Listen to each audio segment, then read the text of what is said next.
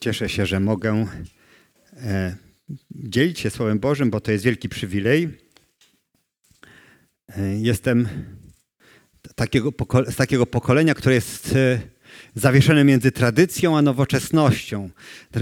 Tradycją, w której się wychowałem, tradycją religijną, a nowym, nową tra tradycją, do, do, której się przyłączyłem, no bo jestem konwertytą. No, więc pamiętam różne rzeczy. Między innymi pamiętam, że w ostatnią niedzielę roku liturgicznego w tradycyjnym kościele jest uroczystość Chrystusa Króla. I oczywiście my, jako ewangeliczni chrześcijanie, nie trzymamy się ściśle kalendarza liturgicznego, jednak wspominamy Adwent, obchodzimy Boże Narodzenie, Wielki Piątek, Wielkanoc, e, Pięćdziesiątnicę jako pamiątkę zesłania Ducha Świętego. Ale co stoi na przeszkodzie, żeby wspomnieć o tej uroczystości Chrystusa Króla?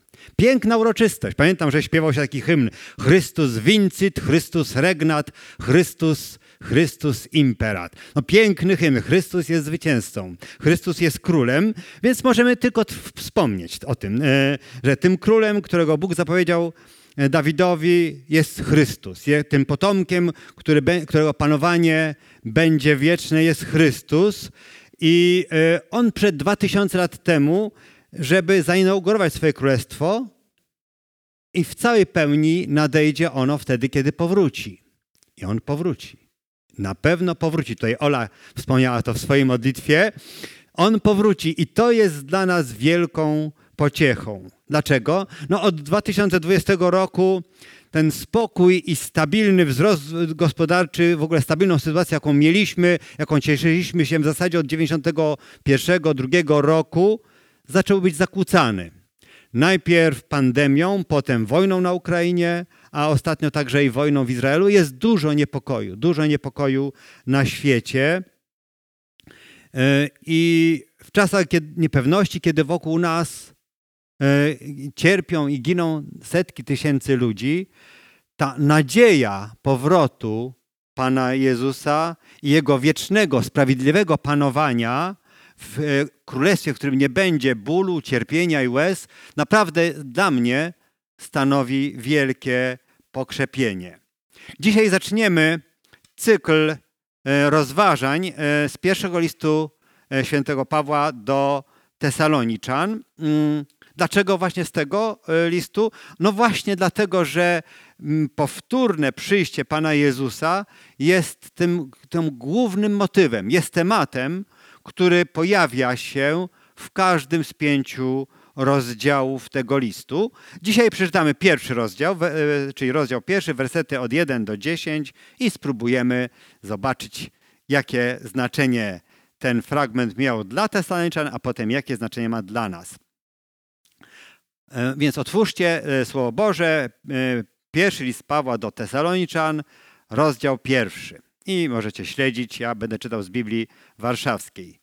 Paweł, Sylwan i Tymoteusz do zboru Tesaloniczan w Bogu i Ojcu i Panu naszym Jezusie Chrystusa. Łaska wam i pokój.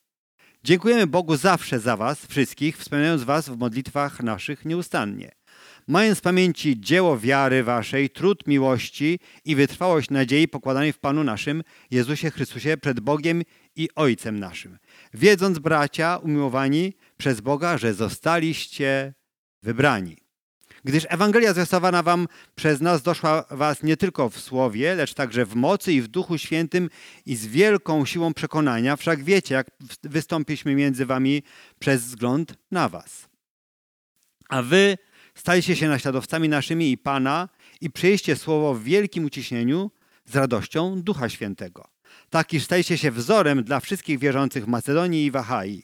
Od was bowiem rozeszło się słowo pańskie nie tylko w Macedonii i w Achai, ale też wiara wasza w Boga rozkrzywa się na każdym miejscu, tak iż nie mamy potrzeby o tym mówić, bo oni sami opowiadają o nas, jakiego to u was dostaliśmy przyjęcia, jak nawróciliście się od bałwanów do Boga, aby służyć Bogu żywemu i prawdziwemu i oczekiwać Syna Jego z niebios, którego wzbudził z martwych, Jezusa, który nas ocalił przed nadchodzącym gniewem Bożym. Do tego miejsca mamy Słowo Boże.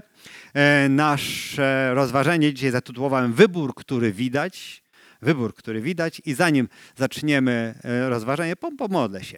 Panie Boże, dziękujemy Ci za Twoje słowo, które jest wspaniałe, które jest prawdziwe i nieomylne i za to, że my możemy je poznawać i że przez Twoje słowo Ty przemawiasz do nas. Proszę o to, abyś użył tego e, czasu zwiastowania dzisiejszego, żeby Twoje słowo e, dotarło do naszych serc i wykonało tę pracę, którą chcesz, e, aby wykonało. W imieniu naszego Pana Jezusa Chrystusa modlę się o to. Amen. Więc zanim przyjrzymy się bliżej temu fragmentowi, który czytaliśmy, potrzebne jest zebranie garści informacji na temat autora, daty i okoliczności powstania pierwszego listu do Tesaloniczan. Czytamy więc w pierwszym wersecie, że autorem listu jest Paweł, ale dodani są Sylwan i Tymoteusz. I w 17 rozdziale dziejów apostolskich, pierwsze dziewięć wersetów, tam znajdujemy opis e, e, właśnie e, pobytu Pawła ze współpracownikami w Tesalonice. Przybyli tam wprost z Filipi, to była czas drugiej wyprawy misyjnej i mm, no, Paweł był w towarzystwie Sylwana czy Sylasa i Tymoteusza. Wyruszył w tę wyprawę jeszcze z Łukaszem, ale Łukasz najprawdopodobniej został w Filipi. I e, no, można powiedzieć, że zdecydowana większość biblistów nie wątpi w Pawłowe autorstwo tego listu, a ja tym bardziej, ponieważ jestem konserwatystą, to nie, nie, nie, wątpię, ponieważ tam jest napisane Paweł, to znaczy, że Paweł jest autorem tego listu. Nie będziemy filozofować, ale, ale nawet e, naukowcy, którzy lubią rozdrabniać wszystko, e, nie wątpią w, w Pawłowe autorstwo tego listu. List ten został napisany w Koryncie, e, blisko początku półtora rocznego pobytu E, Pawła e, w tym mieście. E, a więc jest datowany na, na lata między 49 a 51 naszej ery i jest to najwcześniejsze pismo Nowego Testamentu, jeżeli, chyba że przyjąć za prawdziwą e, teorię południowo-galacką, czyli że list do Galatów był skierowany do chrześcijan z południowej części Galacji, to wtedy list do Galatów byłby wcześniejszy, byłby datowany na 48-49, a pierwszy do Tesaloniczan 49-51. W każdym razie jest to list napisany 20 mniej więcej lat po śmierci i zmartwychwstaniu Pana Jezusa, a więc bardzo, bardzo wczesne świadectwo chrześcijańskie. Naprawdę bardzo, można powiedzieć prawie, że z pierwszej ręki, bardzo wczesne mm, i wiarygodne świadectwo chrześcijańskie. E, I z dziejów apostolskich wynika, że Paweł spędził w Tesalonice kilka tygodni, trzy, cztery może odrobinę więcej, ale nie więcej niż pięć tygodni, że został tam wielką otwartość na Ewangelię, jednak z powodu prześladowań ze strony Żydów musiał pospiesznie wynieść się wraz z Sylasem e, z miasta. E, przez Berę i Ateny dotarli do Koryntu. Dotarł Paweł do Koryntu, bo prawdopodobnie e, Sylas został w Berei, a Tymoteusz został w Tesalonice. I e, Paweł e, samodzielnie, w pojedynkę zaczął swoją służbę w Koryncie. Po jakimś czasie do Koryntu przybył e, Tymoteusz z raportem, co się działo w tym świeżo na, naprawdę bardzo świeżo założonym kościele, mającym no, może kilka miesięcy. Czyli takie, można powiedzieć, niemowlę w Chrystusie ten kościół. Bardzo młody kościół i może mógł mieć z pół roku, może rok najwięcej. No i raport Tymoteusza okazał się bardzo dobry, ale były tam też pewne problemy. Głównie to był problemem była sprawa powtórnego przyjścia Chrystusa, bo niektórzy wierzący w Tesalonice objawiali się, że ich bliscy, którzy nawrócili się, kiedy Paweł tam był, umarli. Umarli i nie doczekali powtórnego przyjścia Pana Jezusa. Wobec tego obawiali się, no to może w takim razie ominie ich to Królestwo Boże. I popadli w przygnębienie. Ponadto pojawiły się pytania na temat czasu tego powtórnego przyjścia Jezusa, a jeszcze innym problemem okazało się, że niektórzy tak bardzo gorliwie oczekiwali yy, rychłego przyjścia Pana Jezusa, że przestali pracować. No bo jak Pan Jezus wkrótce wróci, to po co w ogóle rozkręcać jakiś biznes? No bo i tak to wszystko się skończy. Więc i, ale no, z czegoś trzeba było żyć, więc korzystali z utrzymania zboru. Więc pa, Paweł napisał... E, a niektórzy jeszcze mieli za złe Pawłowi, że, że kiedy rozruchy ustały, nie przyszedł do nich e, sam, Więc apostoł napisał list, żeby wyjaśnić na, na, na te wszystkie pytania i wątpliwości. I tak jak wspomniałem na wstępie, głównym tematem listu jest powtórne przyjście Pana Jezusa. Motyw ten pojawia się w każdym z pięciu rozdziałów. Teraz jak ten list jest zbudowany? Bardzo w tak e, e, z lotu ptaka, można powiedzieć, że składa się z trzech części. Wstęp to jest pierwszy rozdział, pierwszy werset, krótka część. Dziękczynienie i zachęta to jest e, e, w zasadzie drugi i trzeci rozdział. Oraz instrukcje i napomnienia to czwarty i piąty rozdział. Tak w, w takim no, w przybliżeniu. Oczywiście może tam e, co do e, granic poszczególnych części mieć jakieś pewne e, dyskusje, ale mniej więcej tak jest ten list zbudowany. A pierwszy rozdział, który przeczytaliśmy, zaczyna się wstępną informacją o autorze, czyli tym wstępem, to jest werset pierwszy. Potem w wersetach drugim i trzecim Paweł wyraża Bogu wdzięczność za Tesaloniczan, za właśnie ta taka triada. Wiara, nadzieja i miłość, czyli za dzieło ich wiary, trud miłości oraz wytrwałość nadziei pokładanych w Panu Jezusie. A w czwartym wersecie wyraża pewność, że Tesaloniczanie zostali wybrani. I następnie w wersetach od 5 do 10 wyjaśnia, dlaczego jest tego pewien. No i teraz będziemy się przyglądali bliżej temu, e, temu rozdziałowi, więc bardzo często Paweł zaczyna swoje listy od modlitwy dziękczynnej za adresatów. Wyjątkiem jest list do Galatów, gdzie od razu przechodzi do napomnień, ale tam był powód. A tak to najczęściej to e, zaczyna od dziękczynienia, bo jest wdzięczny Bogu za dzieło Boże w życiu tych ludzi, którym zwiastował Ewangelię. E, wie dobrze, że to jest Boże dzieło, że to nie on. Tym bardziej, że on był misjonarzem, pionierem, bardzo często szedł do jakiegoś miejsca, głosił Ewangelię, zakładał kościół, ale bardzo szybko musiał stamtąd się wynosić, bo pojawiały się prześladowania. Jedyne dwa miejsca, gdzie Paweł pobył dłużej, to jest Koryn, gdzie był półtora roku plus, znaczy półtora roku z kawałkiem, i Efes, gdzie był ze trzy lata co najmniej 3 lata. Więc tylko w tych dwóch miejscach zagościł dłużej, a tak to naprawdę bywał krótko, więc wiedział, że wzrost w wierze wszystkich tych chrześcijan to jest dzieło Ducha Świętego. No i teraz e, też e, w, e, w sprawie tes, e, w przypadku Tesaloniczan też Paweł jest pewien, że to, e, to dzieło wiary ich, to jest dziełem Ducha Świętego, bo tam został tylko Tymoteusz, e, a on z Sylasem musieli opuścić e, miasto bardzo pośpiesznie. Więc to wszystko jest dziełem Ducha Świętego. Dlatego Paweł zaczyna od dziękczynienia, a potem właśnie w czwartym wersecie, jak już wspomniałem, stawia śmiałą tezę. Wyraża przekonanie, wręcz pewność, że Tesaloniczanie zostali przez Boga wybrani do zbawienia. Dlaczego podkreśla to wybranie? Myślę, że po to, by umocnić ich w nadziei. Najwyraźniej wierzący w Tesalonice potrzebowali umocnienia, żyli w nieprzyjaznym środowisku, cierpieli prześladowania nie tylko ze strony Żydów, ale i od strony własnych rodaków. Paweł napisze o tym w 14 wersecie drugiego rozdziału. A jednak to do nich dotarła Ewangelia i oni na nią zareagowali pozytywnie. Oni ją przyjęli. Dlaczego? Bo Bóg ich wybrał. Paweł jest tego pewien z dwóch powodów. Po pierwsze, bo był pewien swojego własnego powołania i prawdy Ewangelii, którą głosił, że to, jest, że to Bóg e, prowadził go wraz z zespołem do tych miast i tych ludzi, do których sam chciał. I gdybyśmy czytali 16 rozdział dziejów apostolskich, naprawdę pierwszy list do, do, do Tesaloniczan jest bardzo dobrze powiązany z dziejami apostolskimi. W 16 rozdziale dziejów apostolskich czytamy o tym, jak Paweł, kiedy zaczął drugą wyprawę misyjną, miał zupełnie inne plany. Miał zamiar dojść do Azji, a Bóg skierował go do Macedonii. Co więcej, nawet miał wyraźną wizję w Troadzie, kiedy był, miał wizję we śnie, że jakiś Macedończyk mu się objawił i powiedział: Przepraw się do nas i pomóż nam.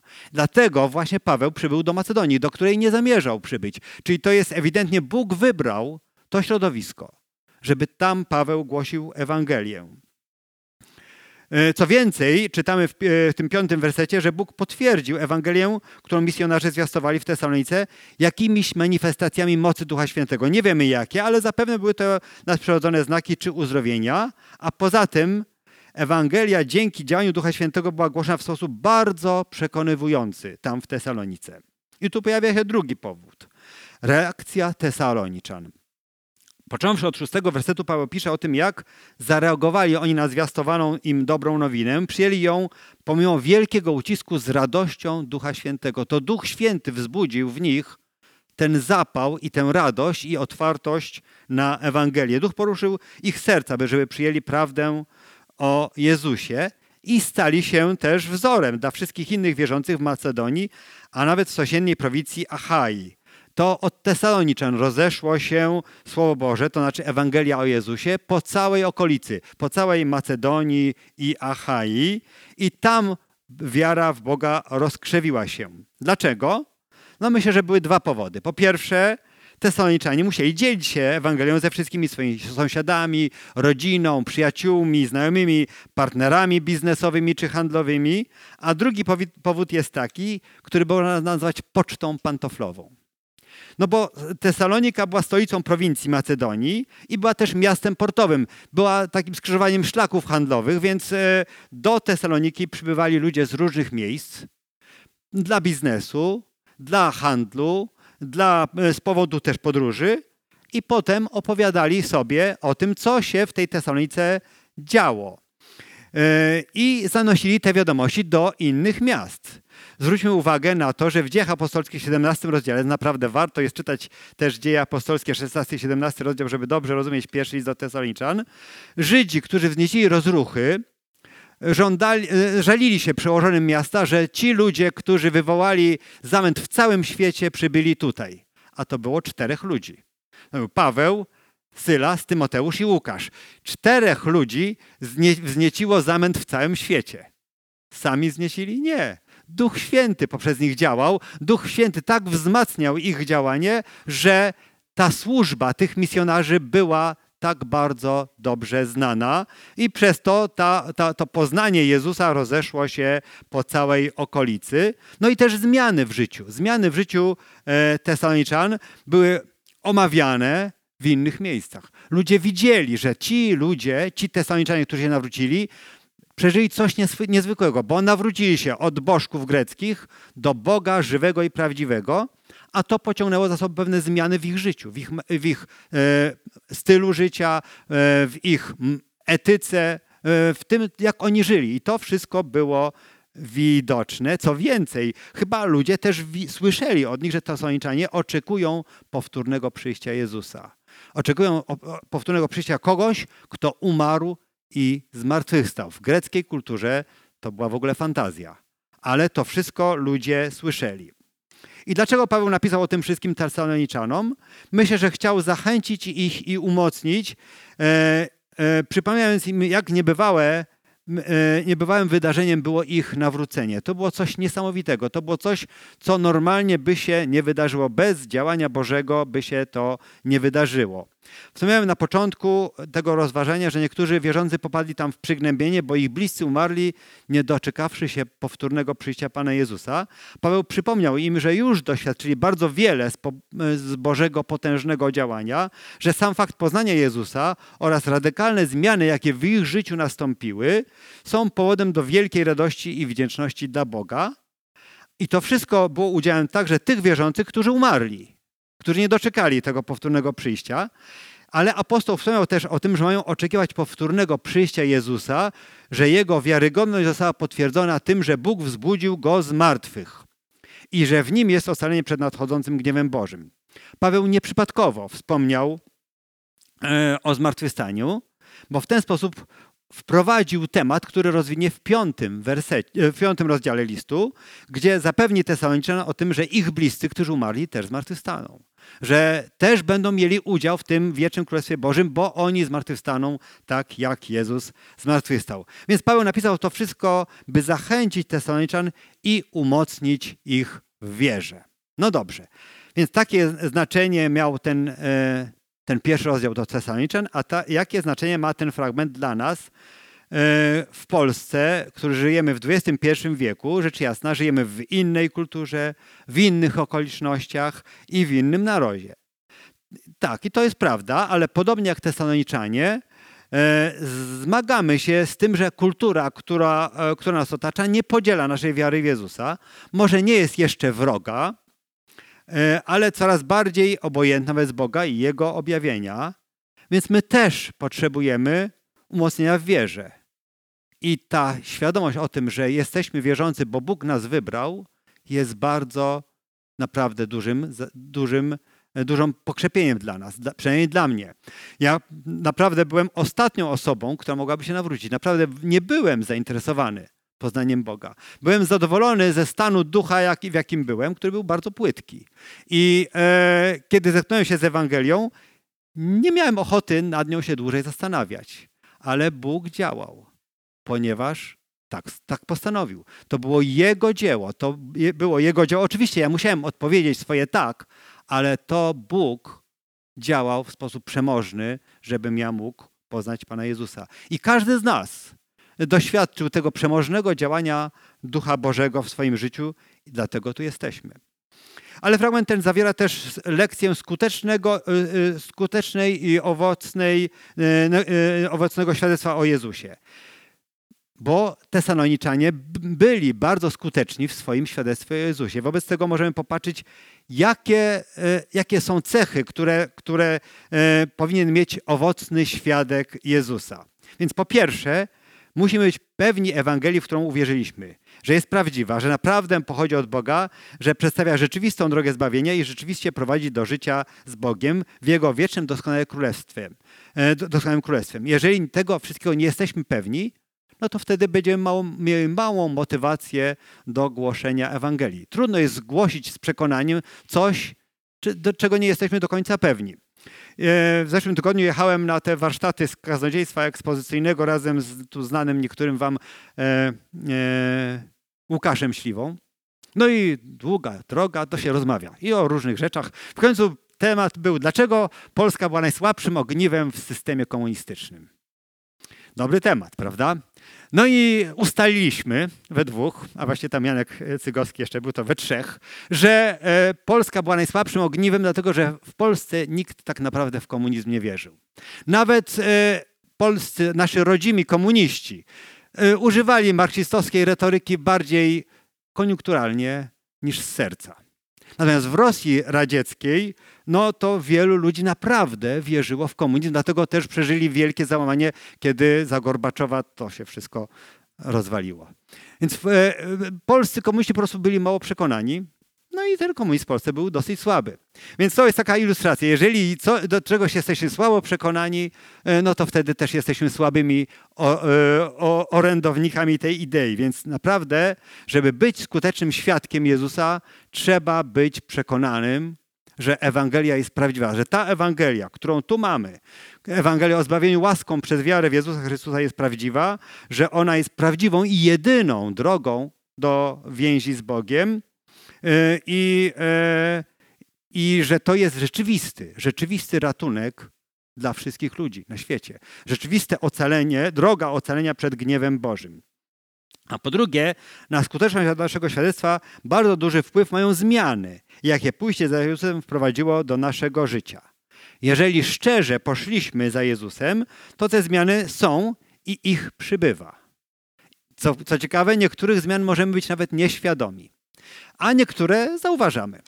Pamiętam, że no ja się zaufałem Panu Jezusowi w 1986 e, roku, to już kawałek czasu temu. No i e, e, pierwszą wyraźną zmianą, jaką zauważyłem, to to, że stałem, że jakieś pół roku po nawróceniu zauważyłem, że pod wpływem Ducha Świętego stałem się łagodniejszy i mniej złośliwy.